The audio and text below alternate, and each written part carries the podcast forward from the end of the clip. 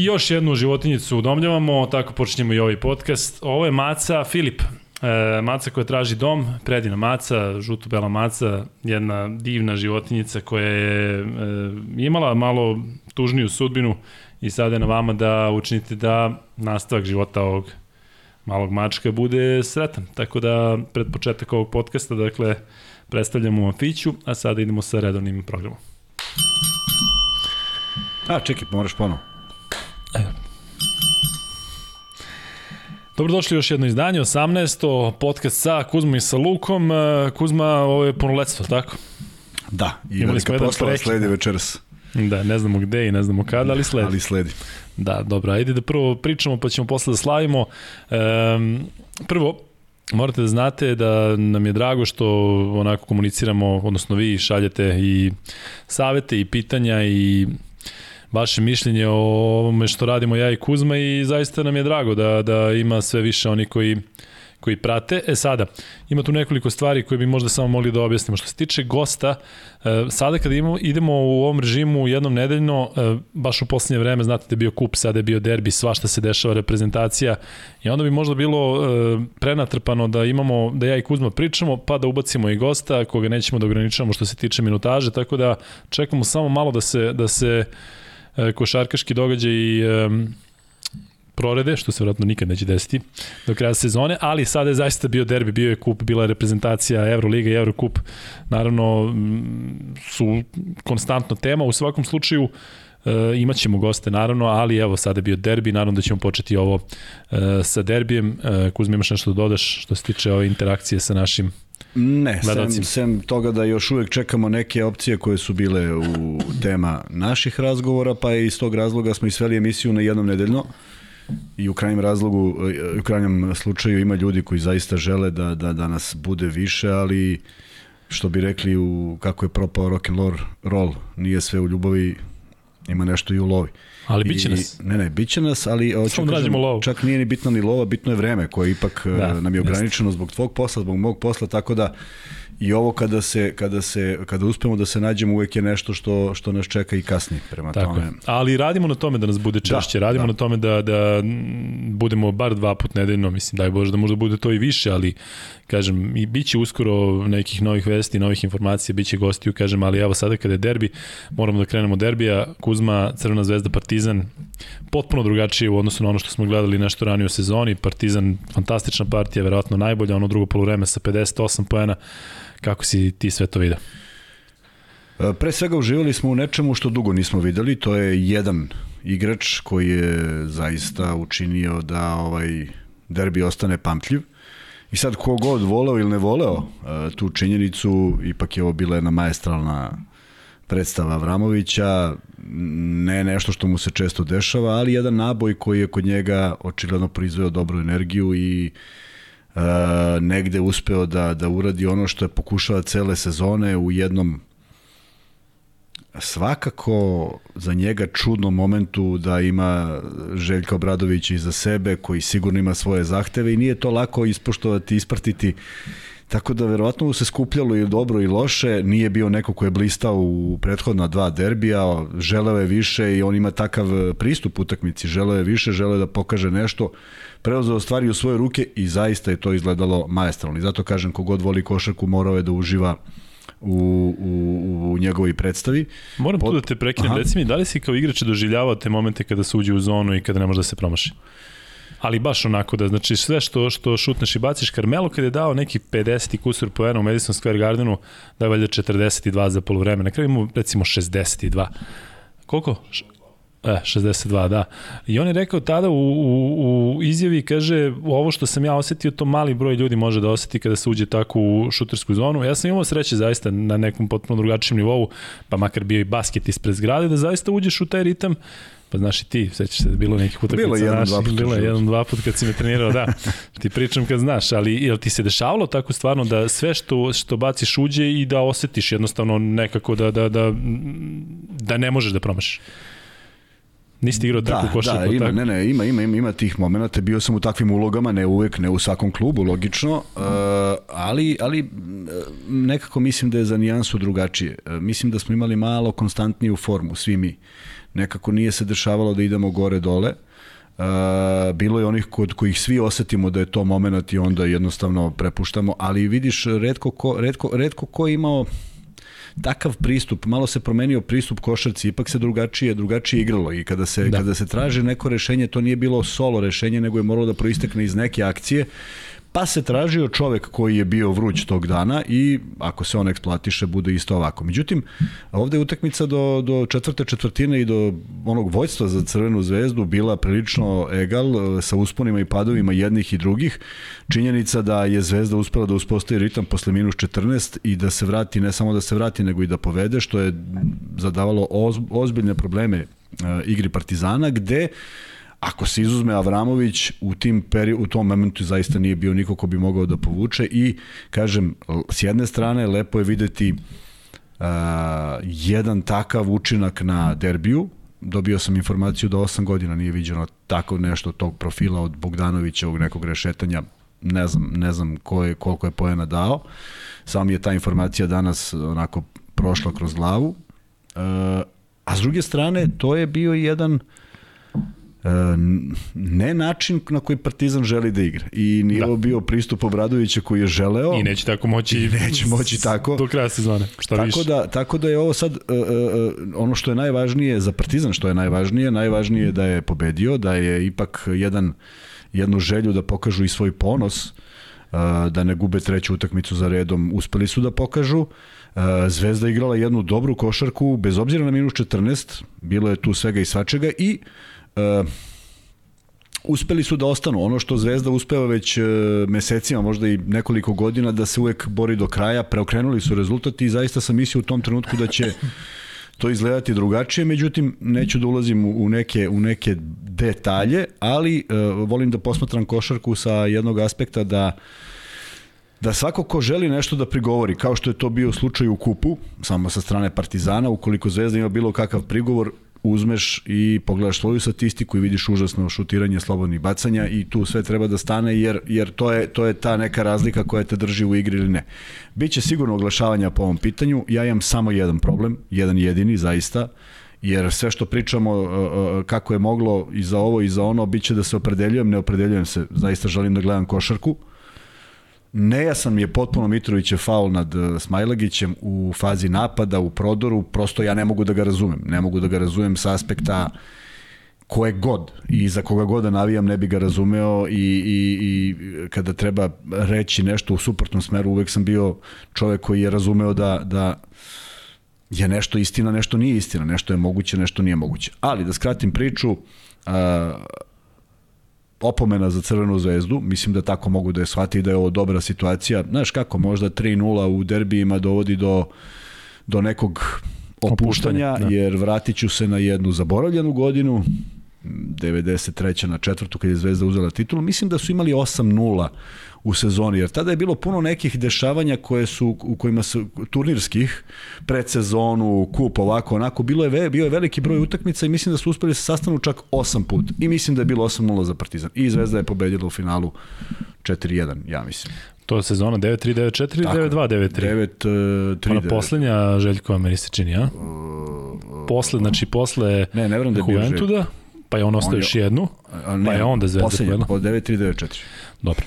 E... U svakom slučaju bila jedna sezona da. u kojoj je Partizan bio dominantan i sve se to okrenulo i Zvezda je triumfovala. Dakle, e, da jedni izvuk i drugi izvuku pouke, da vide slabe tačke, da e, promene neke stvari, jer e, sada, sada će biti dosta tih nekih taktičkih stvari kada je Željko Obradović snizio petorku, pa je to morao da, da uradi Radonjić koliko je to bilo dobro, mislim da jeste s obzirom da je čak i Davidovac, Davidovac odgovorio kako treba, Luka Mitrović prenervozan, ali e, neki momenti koji, te, koji stvaraju tu nervozu. I naravno želja e, igrača Crvene zvezde da ostanu nepobeđeni u derbima, potpuno razumljivo, ali veći nema, nema, nema, mislim da nema gubitnika u ovome, iz prostog razloga što Zvezda ima zalihu koju treba da čuva. Čak ima i bodo, 15, košarkaš, da, koš razliku, ali otrežnjenje da, da neće s Partizanom biti sve na plus 20, naravno ovi igrači to ne bi ni dozvolili po svaku cenu i vraćamo se samo na jednu onu nepopularnu misao, znaš da uvek zagovaram da, da utakmica ne, da niko ne može da te pobedi ako si stalno u faulu. Uh, 8 od 10 trojki Avramovića, ja mislim da bar 4 ili 5 idu u onom momentu kada je Zvezda preokrenula rezultat. Žrtvovati nekoga, praviti faulove, slati na liniju slovnih bacanja, to su eventualna dva poena. Treba se potruditi za ta dva poena. E, kada šutneš četiri puta slobodno bacanja za redom, muka ti je da sačekaš pa šutneš iz prve peti put. Dakle, e, Pritom ako neko ima takve radnike koji mogu da te jure po celom terenu ima zvezda. Tako je. Onda Jako je Marković bio, bio odsutan, Jest. ali on bi bio recimo idealan ali da bilo se prilepi. Potpuno svejedno, ma potpuno da. svejedno. Ubaciti Sim, uh, Simonovića da napravi da. četiri faula, pusti na prodor i tako dalje. Dakle, ali to su sve neke taktičke stvari koje naravno uh, redko ko može da zna, i može da se desi da napraviš bezbroj faulova, odigraš loše u napadu i stvarno izgubiš i da kažeš što smo pravili faulove. Ali je činjenica da jedan igrač imao svoje veče i to treba zapamtiti i naravno, ovo sad govorim zaista sa ličnog ovaj, aspekta, može da bude kogod hoće, u kom god hoće dresu bilo koje boje. Ja nisam fan ovih gestikulacija i pozdravljanja publike. Ja govorim sad lične afinitete. Mislim da se tu gubi ovaj, jedan, jedan fokus. Uh, u ostalom u jednom momentu kada je Avramović, ja ga potpuno razumem koji on internalin izbacio iz sebe, ali u jednom trenutku pokazuje nešto publici, a Seva kontra i Zvezda lako polaže. Mislim da je, da je bio neki drugačiji rezultat i da je Željko to želeo da reaguje, mislim da bi ga spalio na terenu. Bilo bi Aleksa... Pa zato što smo bili, videli Madara pre Jest, mesec dana kada je tako reagovao. U. Evrokupu, da. E, tu treba zadržati fokus zato što uh, ono, ono zašto ja mislim da postoje posebni igrači koji to i sve mogu da dozvoliti, to su oni koji su uvek na istoj visini.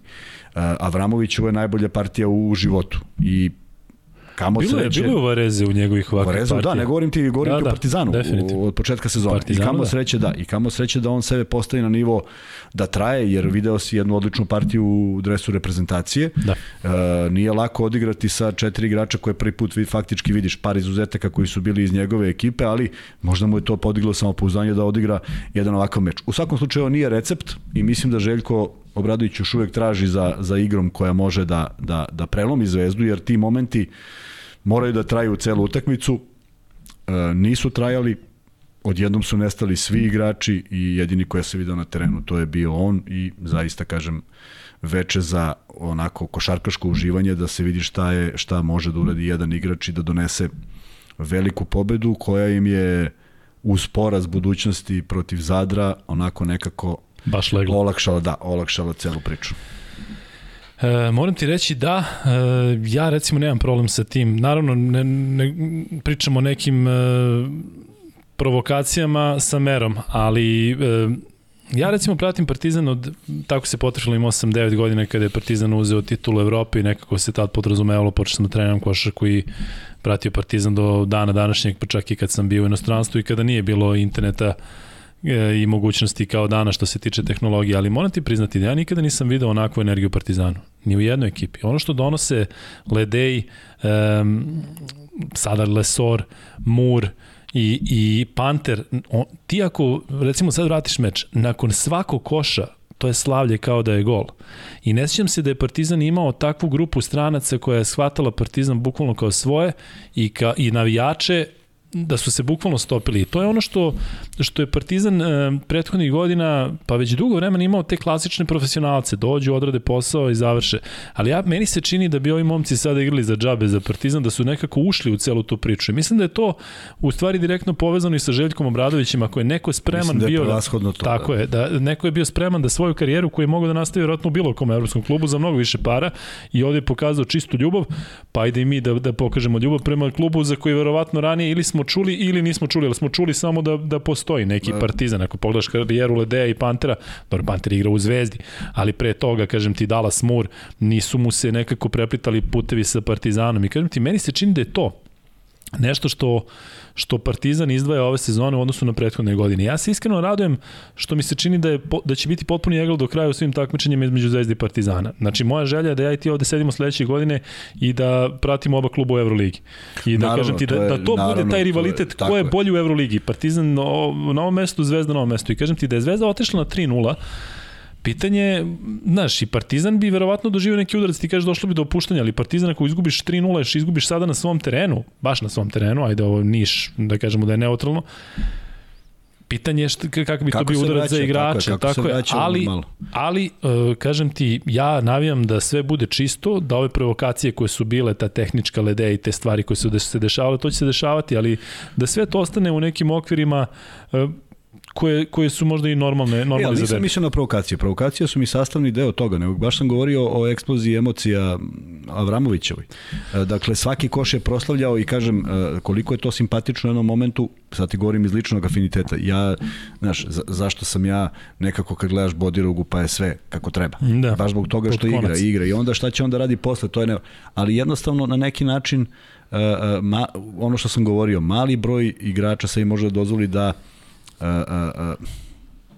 Da se postavi da je, da je, da je iznad drugog kolege u bilo kom timu. Ali zar ne misliš da je njega to i nosilo, da je njega publika njega nosila nosilo, i sve, da on bio u takvom adrenalinu i znaš, nekako mi nemoguće da on sada e, onako sa nekom kamerom facom išao i znaš, dam trojku pa ništa, nekako e, je sve to, to bio kažem, deo folklora. To kažem, ko više voli, znači gledaš te odoće da. s kamerom facom i onda, jest, i onda jest, koš. Jest, jest. Ja to volim zato što on kako je dao koš, on gleda koga čuva i šta treba da uradi u odbrani, znaš. Da. Ovde mi deluje da postoji ono isključenje koje će nekada biti problem. Da. I samo treba malo, i razumem ga, prvi njegov derbi koji, koji rešava, je tako, treći u životu, a, koji igra i sve to u redu, nego samo je na neki način poruka da, da, da smanji taj deo, a da bude u istom fokusu, jer očigledno da, da, da mu to prija kada ima neki pritisak, igrao je sa četiri faula, da. A, mogla je, mogla je Zvezda možda da ga napadne e, češće u tog momenta, Zvezda se onda opredelila za neke šuteve sa distance, što je eto neki odgovor kako možda protiv Avramovića sledeći put u četiri faula pa ga naterati da napravi peti, jer je zaista bio neko ko je donosio prevagu. Ali u suštini Uh, uh, gledao sam gledao sam utakmicu bez tona, ne mogu da pričam o navijenju. Uh, što si gledao bez tona? Pa sedeo sam tako u kafiću. Aha, ja mislio da, da si gledao ti nešto ne, ne, ne, ne, ne, ne, ne, da nisam Mislio sam da je drugi razlog ko prenosi. Ne, ne, ne, ne. Daleko od toga, nego je, nego je bila gužva gungula, pa nisam mogao da, da slušam i naravno ja se radujem danu da gledam utakmicu kao što je bilo u Nišu u smislu navijanja, da budu izvezdini i partizanovi navijači na svim utakmicama i valjda će to jednom da se desi zato što daje potpuno onako drugačiju dimenziju celoj, celoj utakmici. U svakom slučaju, uh, ovo, ovo potvrđuje da nas čeka, znali smo, ali ovo potvrđuje da nas čeka još uh, interesantnija završnica.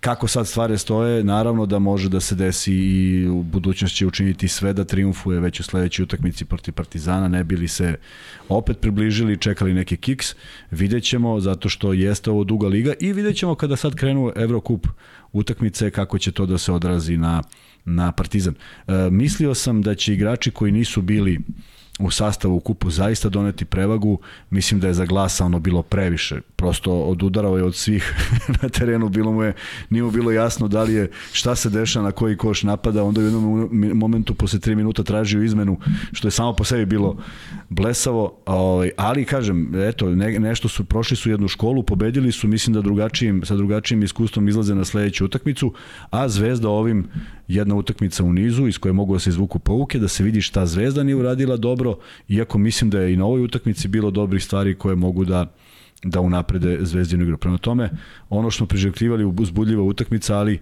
nešto što nismo viđali kad pogledaš samo rezultat, to je broj poena koje je Zvezda primila, pošto mislim da je samo još Unix postigao nešto tako.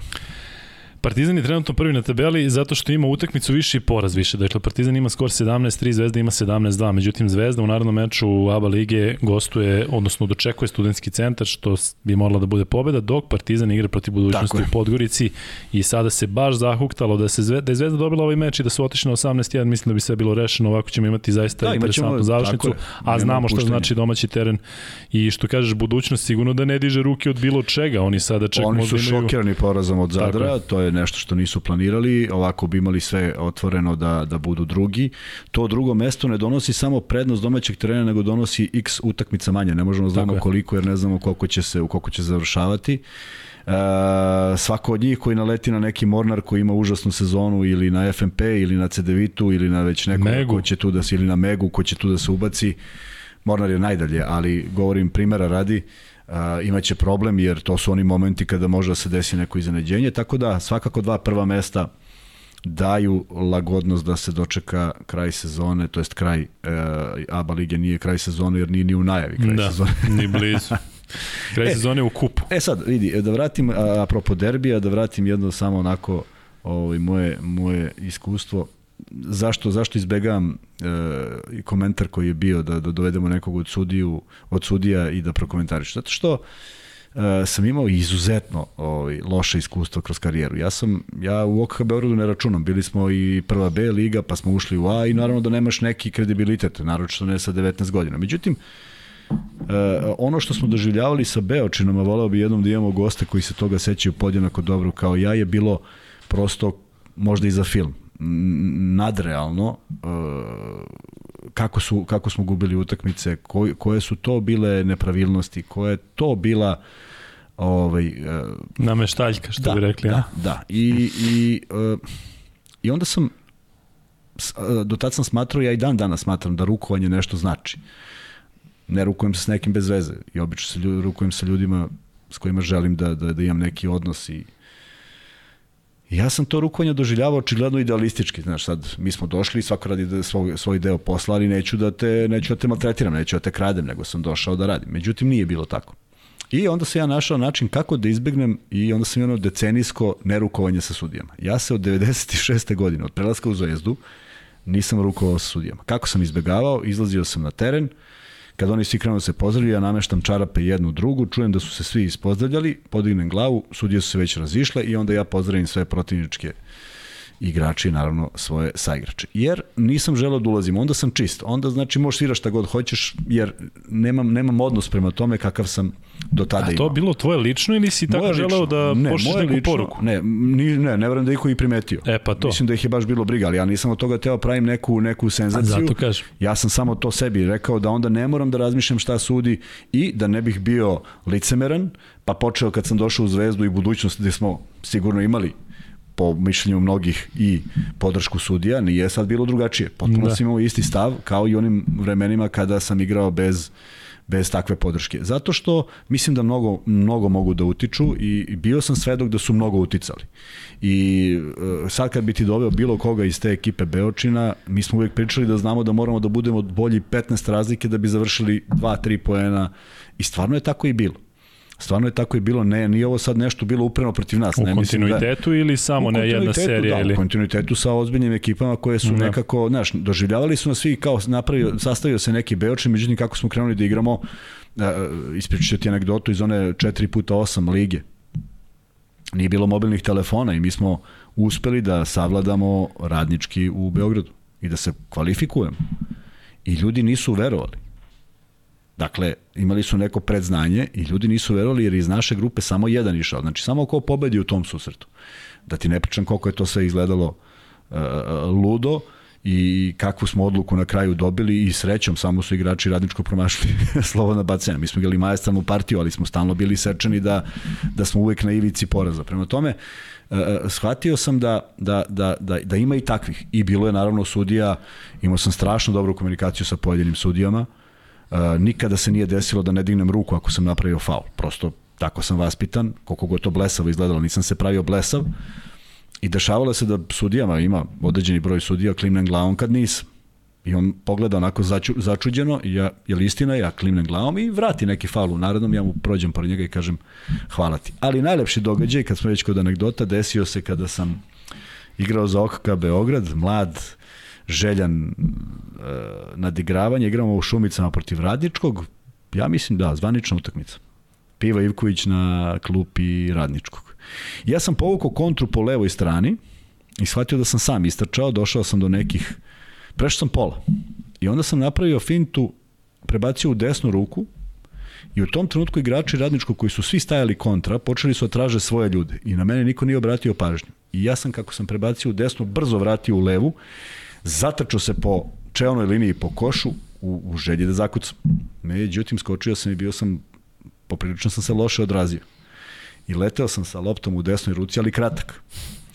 I uhvatim se levom za obruč i desnom je, naravno, logično, zavalim, doskočim, znam šta sam uradio, sudija priznaje koš, sudija Jovančić, Sudija priznaje koš, ja prolazim, kažem hvala ti, on namigne, kaže bilo je lepo i pogledam na klupu radničkog, Piva Ivković stoji i tapša. Uopšte ga ne zanima da poništi, poništi koš kao takav, nego je uživao, znaš ono, kao zaljubljenik u košarku. U lucidnom potezu. U, u potezu, da. Jer je on iznenadio sve. Zaista sam stao, svi su stali i tražili svoje ljude i ja sam samo napravio još jedan pokret, utrčao i u stvari svi su me gledali. Niko nije bio blizu mene.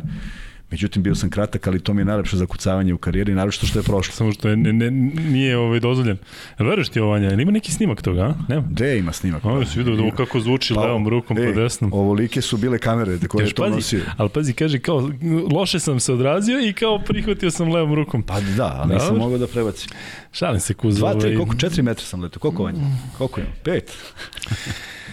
Ima jedna stvar, sada kad smo već kod ovog, e, na stranu ovog Kuzmino nerukovanje sa sudijama, ali vidiš, ne znao sam ranije za ono nerukovanje Detroita i Čikaga, pa onda kada je pao Jović, pa je, ne znam, pružio ruku o Menimalu Kenneth Faridu kada su igli Srbija i Amerika, ovaj mu nije pružio ruku, pa imaš to između Željko Bradovića i Atamana, pa imaš to nerukovanje Reggie Miller, Divac mu pruža ruku, Reggie Miller neće da luku, ovo, ovo tvoje više, više godišnje nisam znao, ali što se tiče na stranu ovo Kuzmino sa sudijama, ja moram priznati da pre nego što smo počeli ovo da radimo, ja i Kuzmo smo seli i pričali šta bi volili da radimo i da sam čak ja mislim bio inicijator toga, tako da ne mislite da nešto Kuzma ima sada sa sudijama pa da nešto izbegao da priča, zato što su nas ljudi i pitali u nekim uh, komentarima koji su slali, pitali su da, da prokomentarišemo suđenje i na derbiju i generalno.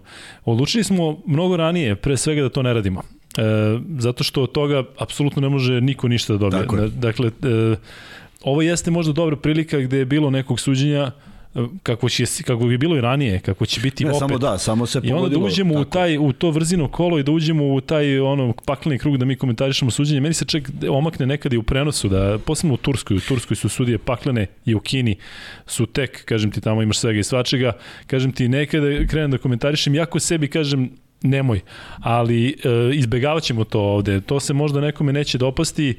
E, možda ćemo pokušati na neki drugi način da, da, da, da, poš, da vam kažemo naše mišljenje ili ako stvarno sa nekim pričamo pa neke te anegdote ili takve stvari. Ali što se tiče suđenja, sada mi da vraćamo u trećoj četvrtini ovo, pa je ono, nema od toga niko ništa, tako da kažem, to je dogovoreno ranije pre ovog derbija. Tako da držat ćemo se e, toga i dalje.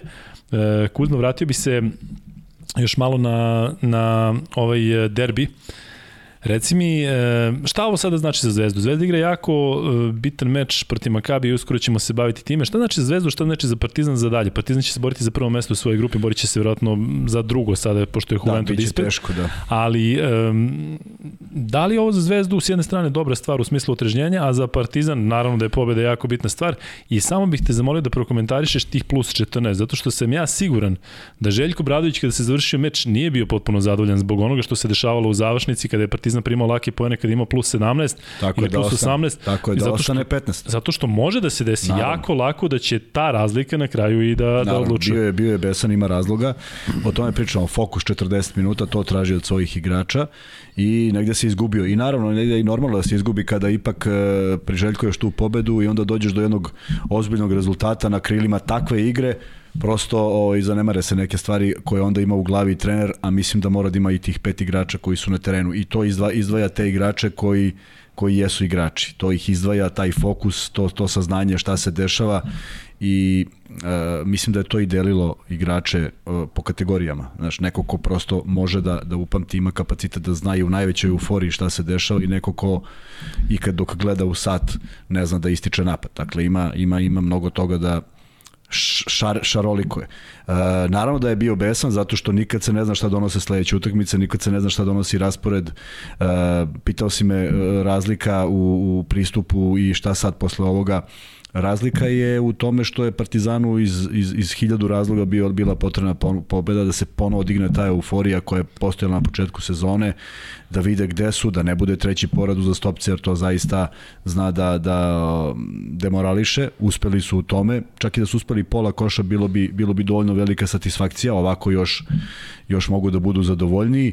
E, mogli su da izgube mnogo time, izgube jednu hemiju u ekipi, jedan, jedan e, kontinuitet, jedan momentum koji, u koji u njihovom slučaju uopšte nije loš u ovoj sezoni ako se izuzme tih nekoliko poraza koji su potpuno očekivani u krajnjem slučaju za jednu mladu ekipu A s druge strane Zvezda porazom znali su negde u startu da i ako dožive poraz ne remeti konkretno stanje na tabeli u ovom trenutku, s tim što mora onda posebna, poseban fokus da se negde ne kiksne, sve je to moguće, bilo iznenađujućih utakmica, Zvezda je preživjela par, Partizan takođe, E, tako da svi čekaju kiks velikih, svi čekaju kiks Zvezde i Partizana i mole se da to bude u nekom momentu da zabeleži on jedan istorijski moment kakav je pobeda nad, nad aktuelnim ili nad najvećim kandidatom za, za finale. Prema tome, uh, i, i, kako god jedno i drugo je dobro, I iz toga treba, iz toga iz, treba izvući sve ono najbolje. Eto, Željko Bradović može da kaže na kraju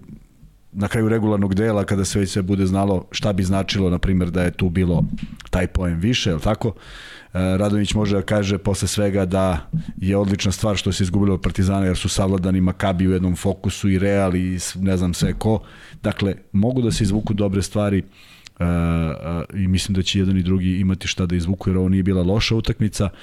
Ovo je bila jedna dobra utakmica u kojoj uh, je u četvrtoj četvrtini izgledala će biti neizvesnija eksplodirao je Avramović i to smo već absolvirali.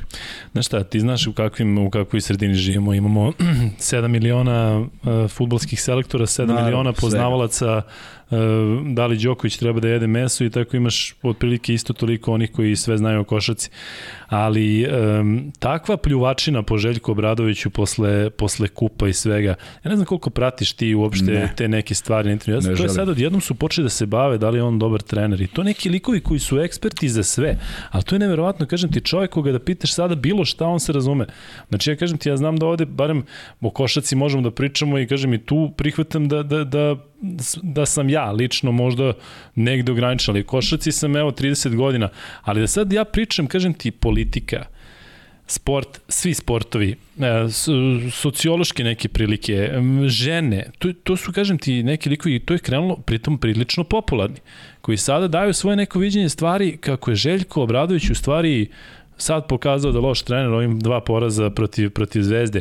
Generalno upada se, što si malo pre rekao, u neku euforiju bespotrebno, a i upada se, kažem ti, u neku um, neke depresije uopšte, kažem ti, zar ne treba sačekati da se vidi šta i kako, pritom Željko Bradović je prva sezona u Partizanu, tim sklepan, govorim sad konkretno Partizanu, Zvezda znamo kakve probleme imala, da li ljudi uopšte imaju razumevanja za ne. realno stanje stvari, ne. ili kažem ti, kad Partizan izgubi od Zvezdu u ABA ligi 20 razlike, onda izgubi finale kupa, to znači da Željko Bradović mani titule, kao mislim, potpuni Sve haos. Sve se poništa, vidi, uh, uh, nedavno sam bio, ovih dana sam bio u Podgorici i pričao sa, sa dragim prijateljima koji su o, kao argument uh, u nekoj diskusiji koja ih isto zabrinula. Zapitali su se i čuli su da njihovi sa, sagovornici uglavnom gledaju reality i kaže onda sam izgubio svaku želju da, da uvažavam njegovo mišljenje. Aj sad zamislimo da mnogo ljudi u Srbiji gleda reality i imaju svoje mišljenje o Željko Obradoviću. To se kosi jedno s drugim a proizvod je vrlo sličan. Sve je instant, sve se gleda i navija se za nekoga i ko, ko uopšte pamti šta je bilo, naročito ne ti priučeni koji misle da sve znaju.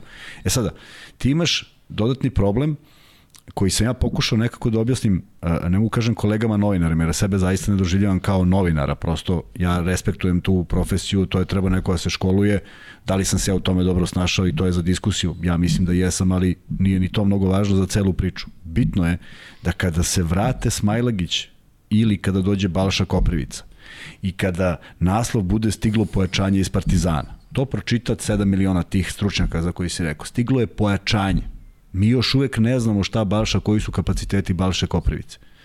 To je dečko koji mora mnogo da uči, koji je neosporno talentovan, ali koji mora mnogo da uči i srećom ima od koga da nauči.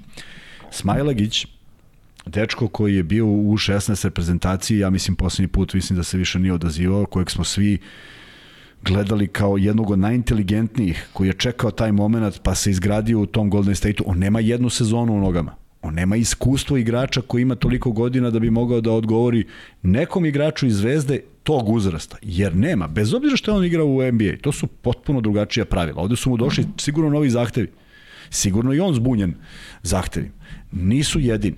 Ima još mnogo igrača, Partizan ima mnogo igrača koji imaju koji nemaju derbije u nogama da. nego što imaju. Prema tome, to niko ne gleda u tom trenutku, nego gledaju samo eksplicitni rezultat, tu 20 razlike, ja šta im uradiše. To je, to, je, to je stanovništvo ovde jer niko ne želi da se udubi u nešto bitnije. Ljudi žive svoje živote bez udubljivanja, a ne da. šta radi Željko Obradović. Ali kažem ti, ja generalno nemam problem kada se vodi e, neka prepirka ili znaš da ima i tih um, ratova sa opštenjima, kada se vodi između neke dve veličine sad uopšte neću da, da, da aludiram na koga, ali kažem ti kada između Partizana i Zvezde, to su dve institucije. I kažem ti kada jedan trener, drugi trener, možda predsednik ili sportski direktor, to su sve ljudi koji su puno radili za košarku i sve. Tu nemam problem. Oni naravno da sada ti forsiraš svoju stranu i sve, ali kada dođe neko ko apsolutno nema veze sa celom pričom. Znam I kažem ti, i, to, i ovde ne mislim nekoga konkretno, ali kažem ti imaš sada te silne YouTube kanale gde su svi stručnjaci, ali kažem ti, doživim ja i ovako privatno, da mi neko kaže, eto vidiš Željko, čekaj bre. Znaš, isto tako za Zvezdu, pričao sam ti onu situaciju kada sam izlazio iz pionira i kada sam čuo komentare posle zvezdinog poraza od Monaka. Sad ti da, da hodaš, da, kroz, hodaš kroz da, gomilu da, da. i ti čuješ sada neke devojke koje, koje sve pričaju, o da, Radoviću, da, i koje, o treneru Radoviću. Da, i koje pritom, kažem ti, govore, Znaš, ma, baš, kažem ti, ono, ne znam, ne znam zašto uopšte sebi dozvoljavam da, da se unosim u takve neke stvari, ali ajde da se nadamo da će da će toga biti manje i um, generalno kažem ja sam stvarno iskreno srećan zato što ne sećam se da je bio ovakav rivalitet Zvezdi i Partizana gde stvarno niko ne bi mogao da potpiše ko će na kraju uzeti šta. Mislim da je ovo najzdravije i najkvalitetnije rivalstvo dugo godina unazad. Ja mislim da je bilo i ranije nego su ga pumpali. Govorimo o rivalstvu igrača. Govorimo o rivalstvu igrača. Gledao sam ih, znam koliko se znaju, vidim kako se pozdravljaju. To su ljudi Tako kao iz mog vremena, kao iz bilo koga Jeste, su bili rivali. Na naravno. To su bili rivali koje neko nahuška i napravi se čitav medijska frka da tu neko gluposti, ali to je deo folklora koji prevazilazi okvire normalnog. Jednostavno, e, vidi, o, ove sve ljude koje si slušao, verovatno su i 70-ih pričali to, ali sad imaju odakle da pročitaju. Znaš, da. sa Facebooka i odavde i odavde. Yes. A ta to nije bilo. Ta, tamo niko nije kupio žurnal pa mogao da se obrazuje. Nije ni znao kako se preziva. Pa kad dođe Ćuti srećan što je bio na utakmici. Sad da. svako ima mišljenje. Mišljenje ima apsolutno svako o svemu i to jeste pošast ovog vremena zato što ti slušaš uh, neverovatne stvari. Ne, kada ti nema problem s tom, nego sa vređanjem, Ma, sa ponižavanjem, vidi, sa podaštavanjem. Pa, u tome živimo. Gledaj, koliko ćeš vidjeti vesti, gledaj, evo, pričali smo, pričali smo o nekim komentarima koje smo mi dobijali. Ja konkretno od kad radim na, na sport klubu. I sad, naravno da ima finih ljudi koji kažu zašto si ovo ili zašto si ono i vidiš normalna komunikacija. A, uglavnom se javljaju negativni. I sad postojiš pitanje, ako ti se nešto ne dopada, ako nešto ne želiš da gledaš, koji ti je poriv, ljudski, da napišeš nešto loše? Ja volim da pročitam nešto mi se dopadne i kažem, ja, baš je bilo dobro. Zar ne? Da. Treba da budem radostan što postoji nešto dobro, ali nikada nisam uradio u svom životu da nekom napišem šta ne valja, zato što ako već ne valja ili mi se ne sviđa kako on radi, nemam šta ni da komentarišem. Tako da mi živimo u naopakom svetu, ali mislim da nismo samo mi. Mislim da globalno to tako ide i spomenuo si velikane naših, na, na, naših različitih sportova, pa i oni imaju probleme da objasne tako je. neke stvari i nešto što sam se zarekao i zašto sam ja prestao tako kako sam prestao, da igram, da se neću vratiti u, u zemlju da igram. Jer ne znam ni jednog ko je dobro prošao. Ali apsolutno ni jednog koji bio na nekom, nije bio na nekom stubu srama tipa vidi ga kakav je, vidi ga kljakavi, vidi ga mator, vidi ga uzima, dete, uzima mesto detetu i tako dalje. Prosto ne znam ni jedno. Ne, ali kad stvarno pogledaš Užasno. Joković, Divac, Kažem, Grošto su govorimo, ne, govorimo medijski. o najvećim, Tako znaš, je. Tako, ne samo medijski, kažem ti, nego nekako javno mnjenje odjednom prihvati pa, da je ovaj ja mora pročito negativac. Pročito. Tako. Nije on čuo da je negativac, nije mu rekao komši, nego je komšija pročito u nekom renomiranom časopisu jednu takvu budalaštinu. Da, da se vratim i na, do Klot Košac i Kuzmo, ćemo Zvezdu ili Partizan, pošto i jedni i drugi su aktivni ove nedelje, Zvezda ima dva meča, ajmo Partizan ima jedan. Ajmo Euroligu zbog užasa koji se dešava, Ajde, zbog histerije koja da postoji. Da počneš da. ti, mi smo u prošlom, da, prošlom misiji u 17. I bukvalno kada smo završili, odnosno kada je trebalo da izađe naš podcast, ja i ti smo pričali o tome da Rusi možda neće igrati, da će biti izbrčeni i oni su bukvalno nekoliko sati kasnije izbrčeni. Tvoje mišljenje je. o tome? To je žao mi, jako mi je žao, mi znamo kako to izgleda, jedini koji možemo da posvedočimo o tome kako izgleda kad te neko izbaci iz takmičenja, jer smo se pitali pitali smo se kako i zašto. S druge strane, e, e, e, iako smo to sami doživjeli, sada smo sad ima mnogo ljudi koji su i na suprotnoj strani da treba, što je vrlo interesantno.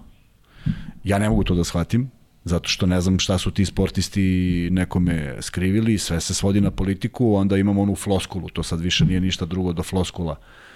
Ne mešajte politiku i sport, pošto je to nešto što se na dnevnom nivou čini i dolazimo do jedne situacije koja je loša po košarku, dobra za pojedine klubove, naravno svako ima neki svoj interes i meni je strašno žao što nećemo gledati tri ekipe, to nisu makar koje tri ekipe, to nisu pretposlednji, poslednji i ovaj do, nego su to tri ekipe koje su imali M strahovite igrače, M donosile taj kvalitet košarci, M bili na završnicama ili u top 8 iz godine u godinu. Da li su u ovom trenutku bili u top 8? U ovom trenutku, a naročito u ovoj sezoni kada tima, su u top 8. Zenit, Unix i CSKA su bili Tako. u top 8. Pre I sad to sve remeti, sve to remeti do, do faze, do faze uh, koja mi je sad neverovatno da su određeni igrači potpisali ugovore. Naime, drago mi je što je što su klubovi shvatili da ne mogu nemaju mehanizam da ih zadrže, niti su želi da bilo šta pričaju po tom pitanju, jednostavno su ih pustili. Čitao sam da su dvojica potpisali ugovore za Virtus. Što da, jedina, Heket i da, Šengeli. Jedina dobra stvar u svemu tome što makar nisu u takmičenju Euroligi, jer bi onda stvarno bilo potpuno neregularno sve da sada neko može da se pojača tim igračima koji, čiji ćemo nedostatak osetiti jer ih nekih od njih neće biti na završnici. Ali šta da rade oni Kuzma?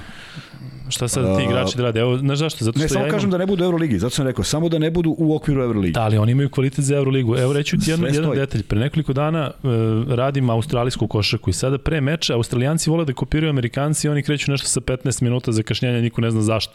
Znači pa treba počnu u 9.30, oni u 9.45 kreću i do tada neki momci pričaju u studiju, ja ih slušam u, u, u imam ih u slušalicama.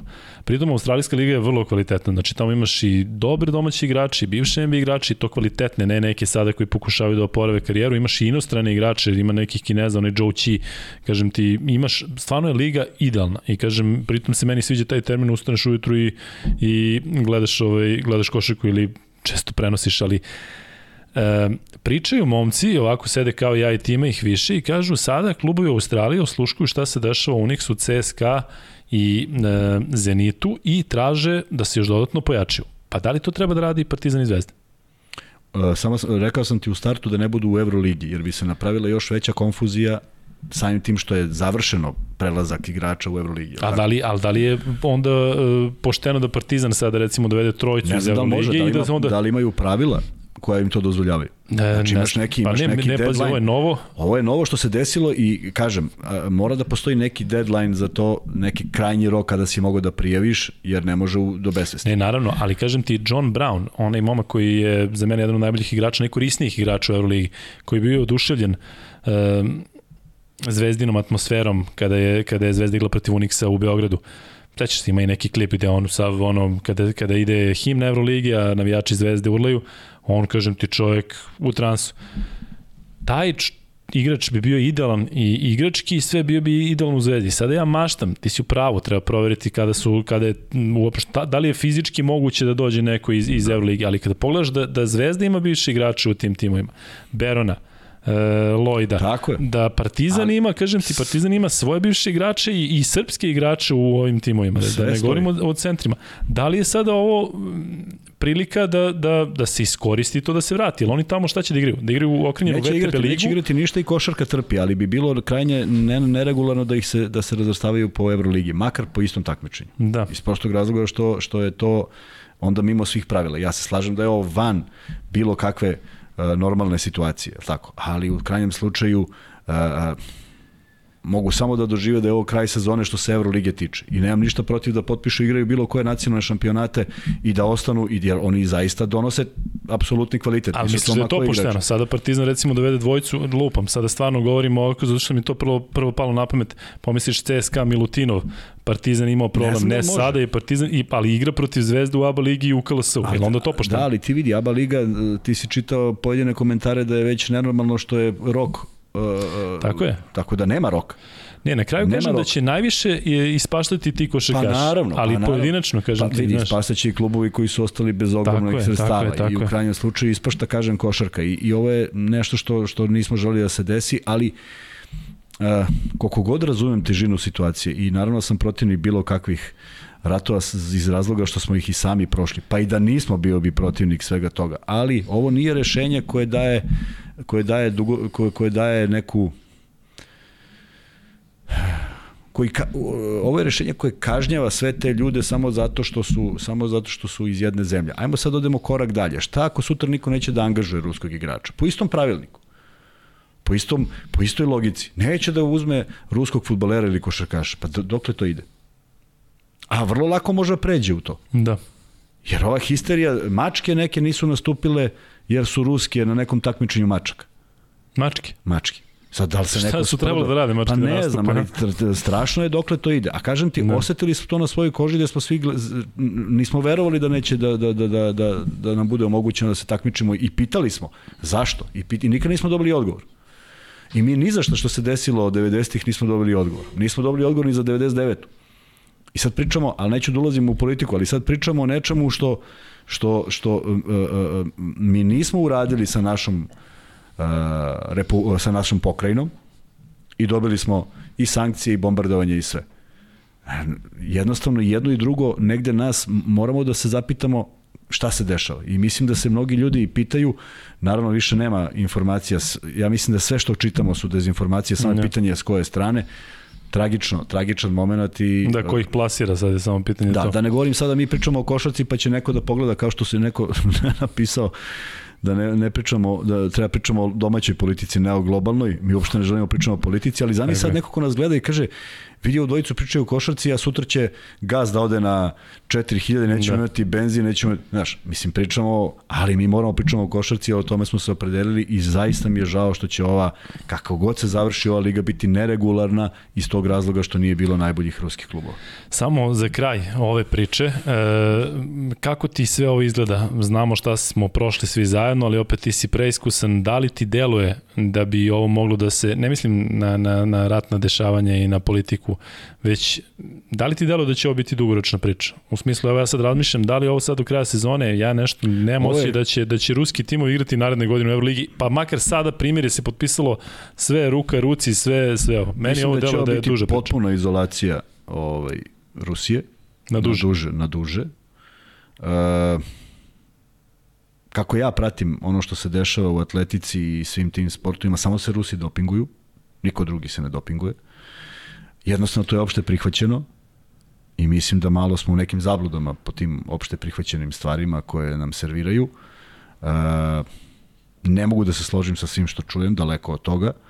I strašno mi je krivo što ispaštaju ljudi, jer ti znaš da je zabranjeno para, paralimpijcima da, Da, se takmiče. Sad zamisli ti neki ljude koji su pospetili svoj život da u kolicima ovako, onako, osmisle svoj život. E, znam šta je prošao Draženko Mitrović, moj prijatelj i košarkaš i koji se prebacio na atletiku, znam kakvi su mu drilovi bili, znam šta je uradio, kako je postao svetski prvak i olimpijski vice šampion, znam koliko je bacio taj disk, znam šta ga je to koštalo. I zamisli ti da on dođe tamo da baci i nekomu kaže, izvini Dražo, ovi tvoji političari nešto tamo ne možeš da baciš. Znači, tragedija kako šta se sve dešava, a odvija se po matrici, uopšte nema više ni nekog glasa razuma, nema više kao da niko više ne stoji tu da kaže nešto što što može da ide u prilog smirivanju strasti. Bojim se da je to obračun a, iznad svih Da. obračuna i da se neće završiti tako lako. A, jedna sad, da pokažem nešto što znam. A, Mačke neke opet nastupe, ne, mačke, nego Uh, jedan vizantolog je opisivao pljačkanje Vizantije i zapise iz tog vremena i kažu da su gradovi pljačkani sedam dana. Vizantija je pljačkana godinama, možda. Uh, sve što je nastalo na, u zapadnom carstvu je nastalo posle pljačkanja Vizantije, mnogo toga, ne naravno sve, i izvesni papa Inoćentije III, to neko može da proveri ko se bolje razume od mene, ja sam zapamtio ime, je rekao tada, dakle pre mnogo godina, da nikada mira između istoka i zapada neće biti zbog ovoga što se učinilo Vizantiji. I mislim da mi živimo tako već dosta godina. Inoćenti je bio pravo. Inoćenti je bio u pravu i mislim da godinama živimo da sve retrogradno dolazi sa istoka, Da. a sve pozitivno sa zapada. Voleo bih da je tako, ali mislim da nije. Dobro, Kuzma, ajmo sada stvarno Aj sad na na košarku. Crvena zvezda MTS igra protiv Madridskog Reala u utorak i zatim igraju dva dana kasnije igraju protiv e, Makabija. E, Zvezda u, Euroligi, baš zbog ovoga o čemu smo pričali, ima šansu da, da se nađe u top 8, veću nego što je imala ranije. Zvezda je trenutno deveta sa skorom 9-12, na osmi poziciji je Monako sa 10-13, Makabi ima 11-10 i Makabi je zaigrao mnogo bolje nakon što su Svaropolosa sklonili. Međutim, Madridski Real je u seriji od tri poraza. Oni su izgubili u Euroligi od Žalgirisa 68-47, pa su izgubili na svom terenu od Barcelone 68-86, izgubili su od Fenerbahča 66-51. Ekipa koja očigledno ima problem da dođe do poena, igra protiv Zvezde koja je među najboljim odbranama u Euroligi. Šta ti očekuješ od tog meča? Da li je ovo velika šansa da Zvezda uradi protiv Madridskog Reala u Euroligi ono što je Partizan sada uradio u ABA ligi protiv njih, da pobede nekoga gde, gde se nije gledalo da su favoriti, posebno ako uzmemo obzir kako su izgubili prvi meč u Madridu. I da na taj način zaista fokus potpuno pređe na, na, na Euroligu, posebno nakon dva, dva triumfa posle, pa, posle Panathinaikosa i posle Baskoni. Posle Fenerbahče i Baskoni. Gledaj, sad to povećava obavezu Zvezda da igra Euroligu. Možda je onaj, možda onaj moment dok su svi klubovi bili, možda bi Zvezda u nekom da. momentu prelomila. Sad je to već obaveza bez koje oni, iz koje oni ne mogu da izađu tek tako. Dolazi Real iz Madrida, kraljevski klub, klub koji je pobeđen i na gostovanju, dakle dokazivo da je sve moguće u košarci. E, naravno da bi Zvezda u jednom boljem naboju izašla na tu utakmicu da je pobeda nad Partizanom bila e, ostvarena, ovako možda da se fokusiraju da kažu čekaj, ajde da zamislimo da je to sada e, sličan, sličan duel i da odredimo neke, neke stvari bolje. Iskreno se nadam da će Marković biti u ekipi, verujem i negde i Cirbez da mora da se oporavi, ne znam o čemu se radi sa njegovom povredom, već dugo traje, i da izađu i da pokušaju zaista nešto što s početka sezone nije bilo realno, a evo sada im se otvara iz prostog razloga što je Real definitivno u jednoj krizi i moguće da je ona izazvana, moguće da je izazvana, moguće da su ipak na tabeli u jednom momentu zaključili da su dobro pozicionirani i uh, ono što je loše što oni moraju da izađu iz te serije poraza, a ne mora baš da to bude protiv Zvezde. Dakle, ako Zvezda nametne ono što uvek govorim, ako nametne svoj ritam i svoju priču i izađe sa, sa tim stavom, može da bude bilo koja ekipa u pitanju. Zvezda je uspevala to da uradi u utakmicama koje smo gledali unazad, zatvarala reket, kontrolisala igru, odradila jedan strahovit posao unazad nekoliko utakmica i mislim da su da je Real samo još jedna od ekipa tog kalibra koja dolaze. Prema tome, veliki korak ka top 8, veliki korak sa povećanjem šansi, veliki veći pritisak nego što su ga imali do pre 7 dana i veća obaveza da se tu i zadrže. Koliko to može da se odrazi na ekipu, hoće sigurno. E, nisam pogledao tačan raspored zvezdinih utakmica u ABA ligi, ali cenim da su prošle one e, najteže da. i da možda malo mirnije mogu tu da gledaju, da tu nekako odmore igrače. E, u svakom slučaju čeka ih ono što su priželjkivali, jer e, Zvezda je sa tim ambicijama ušla, sa ili bez ovih timova želeli su da budu u top 8, tako da to može da probudi jednu dobru energiju među njima, da kažu sad jesmo zaista sticamo okolnosti, ali zaista zaslužili smo da budemo tu, ajmo da probamo i da naprave nešto gde negde u glavi mogu da imaju da se to sve dešava u Beogradu i da nikad ne znaš šta donosi ta uh, serija, nije bilo iznenađenja velikih do sada u, u, u tim razigravanjima, ali uvek je moguće. Ali evo samo bez namere da napravimo pritisak na Zvezdu, ali primjera radi, Zvezda pobedi Real, ide na 10-12, a Monako, koji je osmi, igra protiv Efesa, koji je u sjajnoj formi, i Efes recimo dobije taj meč, Monako ima 10-14, dakle Zvezda Dva praktično... koraka ispred. Tako je, ta, i problem u direktnom duelu sa Monakom što su izgubili ovo meč. Jest. Ali, e, eto, sve to što se dešavalo sa ruskim timovima, barem je, kažem, učinilo da tabela bude još luđa što se da, tiče nego što je bilo potpuno drugačija, jest. Tako da tu su neki ostali zanimljivo. na svojim pozicijama, neko je napredovao mnogo, a nekome ništa nije značilo Tako što je pobeđivao samo ruski klubove. Jeste, biće. Ironija je mogla da bude, zamisli da je neko pobedio svaki put. da. Bio bi poslednji. Biće zanimljivo, biće, biće jako biće zanimljivo svako. i kažem biće biće ovaj materijala i za ovo što mi pričamo. Hoćeš još malo samo jako je Real pre toga da pričamo o toj utakmici protiv Makabija. Makabi je promenio trenera e, još uvijek imaju Interima, ali e, odlaskom se kao da se ekipa potpuno digla i ček sam, kada smo radili izraelski, izraelski meč između Makabi i Stelavija i Makabi Rešona, čuo sam izjave igrača koji su kao da su, ne znam ko da je došao, rekli su sve najbolje novom treneru, evo sada počinje nam praktično nam sada počinje sezona. Zvezda je pobedila Makabi u Tel Avivu posle jedne fantastične partije na početku sezone, kada je potpuno drugačija situacija bila. Makabi u tom delu godine igrao jako dobro, sad što su bili da, u top 4, top a Zvezda ih je dobila, a sada se izmenilo Makabi je u jednoj lošijoj seriji, ali se podiže. E, da li uopšte treba praviti paralelu između te i ove utakmice, ne. jako su to manje više isti ne, timovi? manje više isti timovi, drugačiji trener, drugačiji pristup. Videli smo najbolju ekipu, najbolju utakmicu Baskonije baš kada je bila promena trenera. Videli smo ih da može da se nadoknadi i minus 15 u posljednjoj utakmici što je Zvezda uradila, dakle jedna uh, ekipa koja oscilira često, prema tome i Makabi ima te slične probleme, uzdaju se u Vilbekina, Vilbekin nije sve moguć, svaka mu čast na svemu što je uradio, ali bazirati igru na, uglavnom na njemu i on koji rešava u jednom ili u drugom pravcu nije nešto što, što donosi garant uspeha. I opet govorim, Zvezda kad izađe sa onim stavom kad uđu u utakmicu sa laganim poenima, kada ne dozvoljavaju serije, kada to sve preseku dobrim pravovremenim faulovima i kada kontrolišu igru kako god se odvijala igra, to mora da bude teška muka za protivnika da pobedi. Nije Zvezda sve takve utakmice pobedila, ali mi je drago što smo gledali utakmice u kojima je bila konkurentna osim 3-4 utakmice koje prosto nisu išle od, od samog početka. Zvezda igra dakle utorak od 19 časova protiv Madridskog Reala, pa onda protiv Makabija dva dana kasnije u četvrtak takođe od 19 časova takođe u Beogradu u dvorani Aleksandar Nikolić, tako da uživajte u tim mečima koji ćemo naravno prenositi na sport klubu. Posle toga Zvezda ima taj meč protiv studentskog centra u ABA ligi, ne možemo da kažemo da je opuštanje, međutim, posle studentskog centra gostovanje Barceloni. Dakle, najteže možda gostovanje posle trenutno. Ovih, da, ali posle ovih utakmica i eventualnih pobeda jedno, jedno rastarećenje. Odigrati protiv da. Barcelone koliko je to moguće, jer, jer uh, ove dve pobede su sada mnogo veći kapital nego, nego, nego juriti bilo koju pobedu na strani protiv Tako. kluba koji se već negde pozicionirao. Mislim, ne remeti ništa. Vrlo je bitno dobijati konkurenciju, a to ova dva tima u ovom slučaju jesu. Mm, Real da. manje, a Makabi apsolutno. Baš delo da je značajan moment za Zvezdu i mislim da imaju sada dva puta. Ili će ih ovaj e, poraz protiv Partizana ozbiljno uzdrmati i uticati na Euroligu ili će zaista biti otrežnjenje i sada kažem ti prilika da se podignu, odnosno da u Euroligi nastave sa dobrim rezultatima zato što su pobedili Fenerbahče i Baskoni. Baskoni koliko god Ma da, na tabeli delovala kao neki tim. Ozbiljna ekipa koja baš ozbiljna ekipa, tako. kažem ti sa ozbiljnim trenerom, tako da video si tako je, i tako. sam, pritom...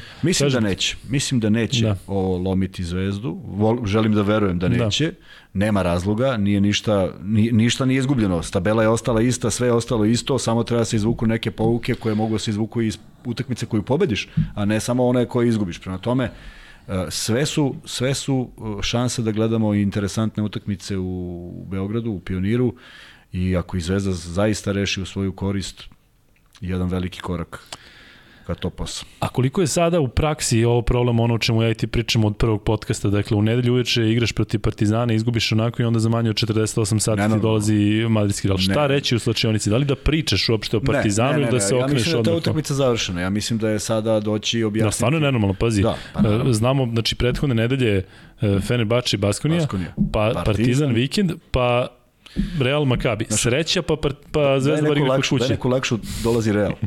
Ovaj, da. ne, treba, ne, ne, ja mislim završena utakmica sinoć i ako, je, ako, ako verujem, mislim i poznajem Radonjića dovoljno dobro da verujem da je današnji trening okrenut samo priči o, o Realu.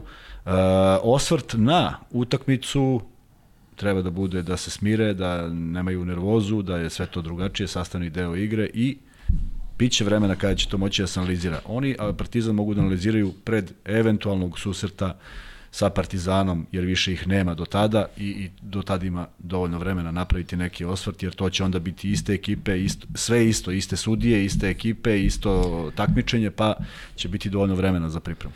Kuzma Lijetka Belis Partizan, isto sutra, sat vremena ranije, do 18 časova. Čanak koji želi naravno da ovaj, da odigra, da ostavi što bolji utisak, ima veliki izazov, e, znam koliko voli Partizan. Lijet, Lijetka Belis je ozbiljna ekipa, ima 6-6 i peta na tabeli, dakle nije samo ono, ekipa, znaš. Tako je, ali, ali on će želiti da da i taj, taj pečat da, da zaista napravi ono veliko, pravo kažem iznenađenje, nego jedno veliku zadovoljstvo samom sebi, na uštrb svojih emocija, da. to neka tako dođe u životu, ali Partizan apsolutno ne očekuje lagana utakmica i sad koliko zvezdine igrače treba vratiti u normalu i reći da ovo ne znači ništa, toliko treba i Željko Obradović svojim igračima da objasni da ovo da, ne znači ništa. Tako je, još pritom putovanje. Tako to se uglavnom objašnjava da, negde u nekom autobusu ili avionu. Tako je, pa verovatno, verovatno sad da. stoji između redova tako i priča je. šta treba da se radi, ali svakako ovo je utakmica završena, gotovo je sve, neće ništa biti slično.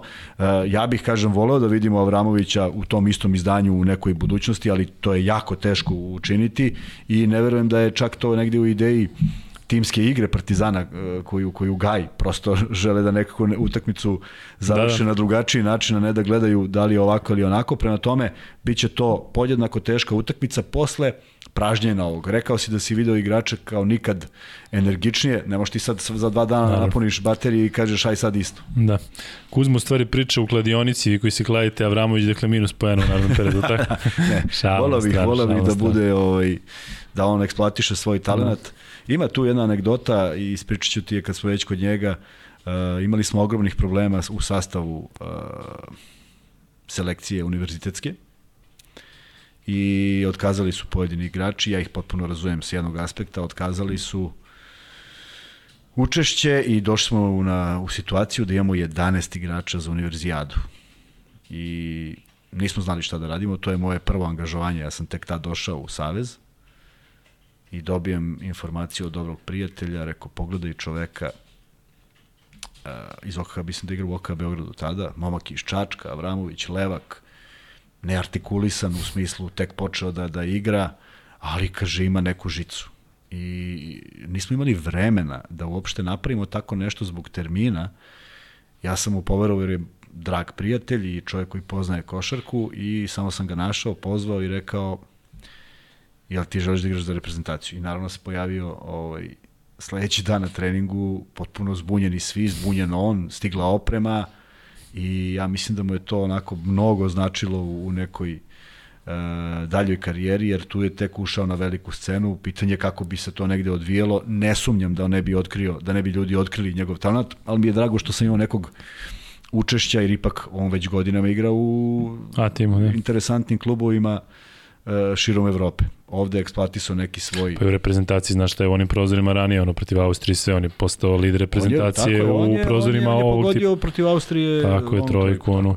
Tako da, eto, neki sam doprinos dao. To je zbog Kuzme. Da Nadam se da se Aleksa seća. Da.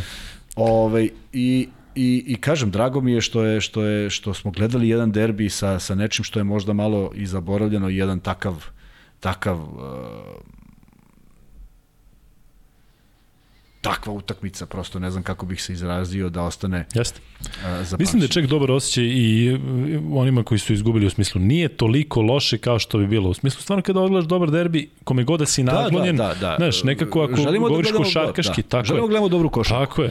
Znaš, imaš utakmice i koje ne možeš da gledaš. Bilo i ove godine evroligaških utakmica koje Uf, su bile negledljive, a, a renomirani timovi. Da, da. Tako da kad se sve to spoji, A naravno, ništa nije izgubljeno, nije ovo pet, peta utakmica finala koja je odlučivala, ovo je samo jedan korak u, sezoni koji sad treba izanalizirati i uvek sam voleo i verujem da to rade i Dejan Radonjić i Željko Obradović. Pola koša pobede ne znači da mi sad ne pričamo o utakmici da izvučemo šta je valjalo, šta nije, jer je moglo bude i pola za protivnika. Naravno što kada je 10-15 moraš da shvatiš gde si bio ti pre svega loš. I ajde sada da, da ne bude da pričam o Partizanu, jer ne želim da da, da bude ja pričam o Partizanu, kod mnogih to izazove neku čudnu ovaj, emociju. emociju.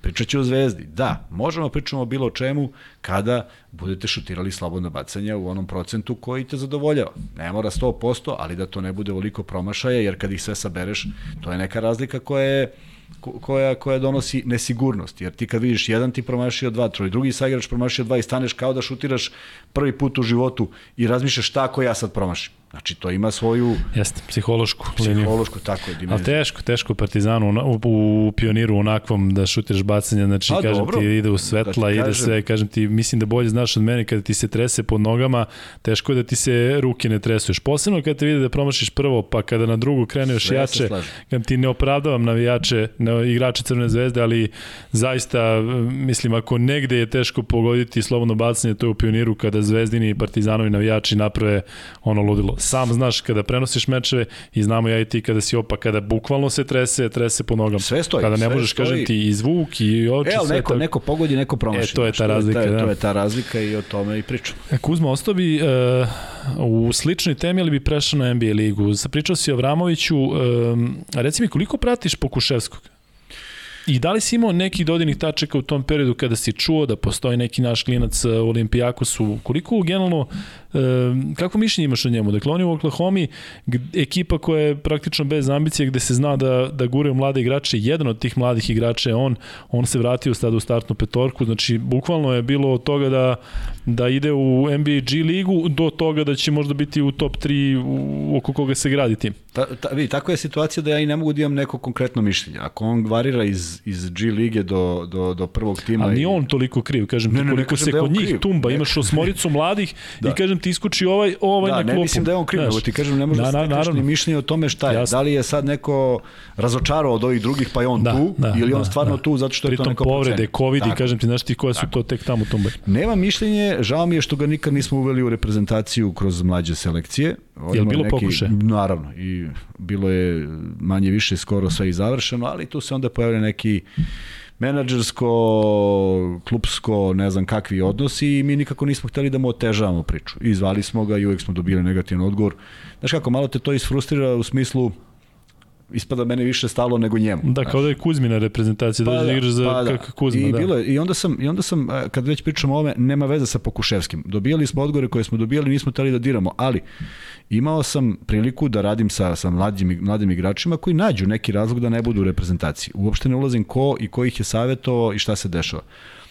I onda sam posle dve, posle jedne i po sezone, ili skoro dve sezone, shvatio da nešto moramo da preduzmemo. I onda su naravno ove o kojima si pričao, ovih 7 miliona stručnjaka, to oduzimanje pasoša, to slanje u zatvor, to hapšenje roditelja i sve ostalo. A ja sam imao jedan najbanalniji predlog za koji mislim da bi stvarno podigao neki, napravio neki efekat, izuzetno je jednostavno. Ti imaš plejadu igrača koji su za U16. Zaista se u Savezu, ne samo u onom periodu kad sam ja bio, nego generalno, trude da tu budu obuhvaćena sva deca. Pa, 16-godišnjaci i još ako je po mogućstvu moguće da tu bude 4-5 15-godišnjaka ako zadovoljavaju kvalitete. I bude tu negde nekih 20 igrača. Ti kad napraviš spisak, odjednom počne neko da otkazuje. I moj predlog je bio da kada si u U16 i nisi se odazvao na U16 iz razloga koji nije dovoljno adekvatan, Opravdanje, pravo. samo te nema u 18. Jer ako ti nisi procenio da ti je reprezentacija odskočna daska, što mi da se ne jer ako te nema na spisku, mi ne znamo da postojiš. Ako ne znamo da postojiš, mi smo sasvim zadovoljni s ovim što imamo. Jer mi ne govorimo o Dončićima mali, koji će doći pa pupa, pupa, pupa i mi medalju, nego govorimo o deci kojima je ovo neophodno kao korak u razvoju da bismo mi ultimativno na kraju dobili to tog jednog reprezentativca u selekciji. Ne više od jednog po generaciji. Ne može. Prosto 95. godište je ultra fantastično. Nenormalno, jer svih 12 igrača u 20 su 95. godište i još nisu bili uh, Ristić i Jokić. Znači imamo 14 igrača 95. godište. U 96. nemamo ni jedno. U 97. ja mislim da je Marinković i Peno da su se probili. Dakle, neverovatno je kakvo je 95. Zato da, i govorim, jedan igrač može dođe do reprezentacije. I Naravno, svi se deklarativno složiše, ja kad sam otišao iz Saveza, to, naravno, ali to nije bila moja ideja da bi ja dokazao sebe ili da bi to Naravno. bilo ostalo kao neka velika moja misao. Jednostavno, dete, ako tebi nije stalo, pa što ja da se nerviram? Tako smo se nervirali oko Pokuševskog. Kažem, dobijali smo odgovore koji su bili nešto što bismo mi napravili njemu lično problem zbog situacije kako je on prijavljen Jasno. u Grčkoj i tako dalje, da ne idem sad u sve to. U svakom slučaju žao mi je što nije bio u reprezentaciji, to je poenta. Ne mogu da imam mišljenje na ovog osnovu, osnovu ovoga što gledam, jer oni se ne bore za rezultat. Ja da gledam nekog igrača koji igra uh, utakmicu da bi, da bi igrao za sebe, To Dobro, ali ovako fizički, Fizički, fizički mi je prvo interesantno da može onako žgoljav da igra, što mi je apsolutno negde, Uopšte da igra. Da uopšte igra. I mene su pitali godinama kako. Nisam bio než, nisam ja bio krupniji kad sam bio mlađi to. ovaj, ali, ali prosto volim kad ima taj tu sposobnost da, da, da, da, takav, da takav igra. Bilo je par igrača NBA i ranije tih možda bolje znaš, ja sam pozabavljao imena, te građe nisu uspeli da prođu, došli su u Evropu, nisu uspeli da se nametnu, zato što je to odjednom postala fizička igra. I sada on verovatno može da nadogradi svoje, svoju snagu, ne mora da nagrada, nadogradi svoje gabarite i masu, ali mislim da nije nejak, da se razumemo, ne bi mogao da igra tamo, Naravno. a da nije. Međutim, nemam još stav prema tome šta on stvarno u nekom sistemu može, šta ne može i strašno mi je krivo što mi u stvari njega ne možemo da gledamo ni u jednom sistemu našem. Dakle, Da. dovesti ga u reprezentaciju, dati mu mesto među 12 je isto iluzorno, jer ne zna šta može. Dovesti ga na pripreme neće moći zbog pravilnika NBA lige, znači ti treba dovedeš igrača da 7 dana ili bude tu ili ne bude tu. Nije to realnost Da. koju treba da, da pokušamo. To su stvari koje ljudi kada pričaju pa što ne igra, vidiš neće da igra, ne, ne, ne znaju da Ne postoji da, mnogo postoji, stvari da, između. da, da, da. Ali kad smo već kod toga i kad smo već kod naših igrača, u ovom slučaju naših, i kada smo već kod NBA lige, ajde samo malo pojasni ono o čemu si pričao ranije. Da li je John Conchar, playmaker Memfisa, Srbin, poreklo? Ne zna ni on. Ni on ne zna. Ne zna ni on. Zato što navodno mu je deda Srbin, a on ima i mađarsko i češko.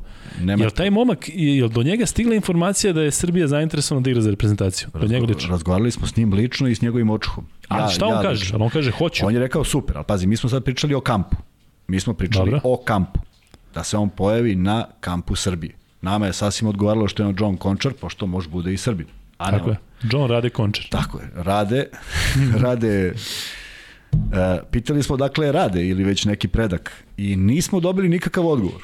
Dakle, Čekaj, nije jel to je deda, nije to sad čukunda. Pitanje je da li je deda. Pitanje, jel? Da, pitanje je da li je Da. deda i s kojim papirama je on došao i sad kažem ti, ovo mu je očuh, ne znam ni šta je sa ocem, ako je, ako je familija... Jasno, Znaš, da. ne zna čovjek, čovjek mi odgovara iskreno, on bi.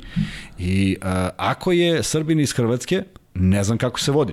Da. Mislim, može bude još to puta, ali mi nemamo papire da je on... Čekaj, ali on stvarno ne zna. Znači, ne znači znam, ne. ne znam, ne znam, ne znam, nešto je dešavalo u familiji što, znači, čim nema oca, ne znam. Ali hoće da igra. on je hteo, pokazao? ne, on je hteo, da, To je on je sjajno, hteo. to je- pa to da, je osnov, ali, ali, džaba e, ako e, razumeš. ali onda je osnov, jurimo i bilo koga ko se preziva na ić, Pa da. hoću kažem, drugačiji je osnov. E, davati, moje mišljenje, davati državljanstvo nekome na osnovu državljanstva je jedna stvar. Taman bio čukundeda. A dati nekome i naturalizovati ti ga, to je, ovo bi bio proces naturalizacije.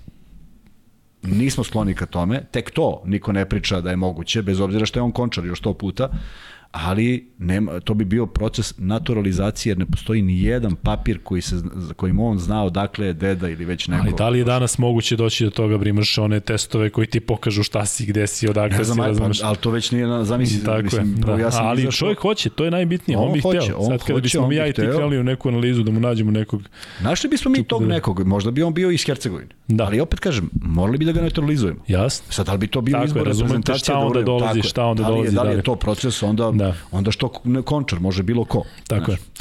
Kuzma, za kraj, reci mi, bio si u Crnoj Gori, to si pomenuo, je tamo bilo lepo, interesantno? Bilo je lepo i odigrali su Singidunom Crvena zvezda odigrao dve utakmice, nažalost bez kapitena Ćirkovića koji je ipak alfa i omega kluba i došla je, ja bih voleo to ljudima da prikažemo ima ta dva hrvatska reprezentativca, Štimac i Adi, ne znam čak ni kako se preziva. To je, to je poezija. Prosto ne možeš da veruješ kako ljudi igraju e, kako se on vozi u tim kolicima, to deluje nadrealno. E, tek kad vidiš te majstore, ima do shvatiš do koliko je- njega ili do Do kolice? njega, do njega. Ja sam se pozdravio s njim, znači njegov rameni pojas je ko od kamena. Čovjek je u treningu jer on igra vrhunsku košarku za nekoliko klubova, ovo mu je jedna od e, egzibicija.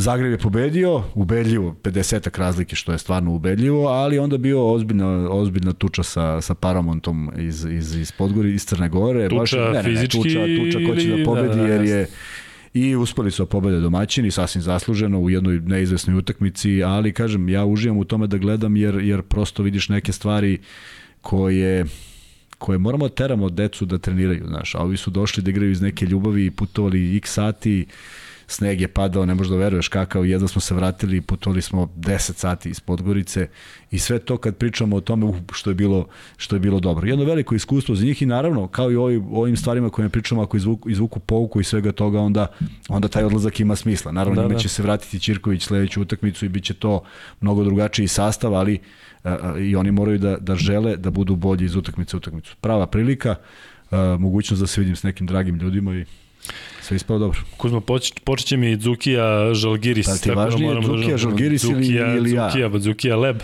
hleb. Ovaj, slušaj me, ali za kraj mi reci. Sami za kraj reci, a te više danas prepoznaju u Podgorici ili u Beogradu?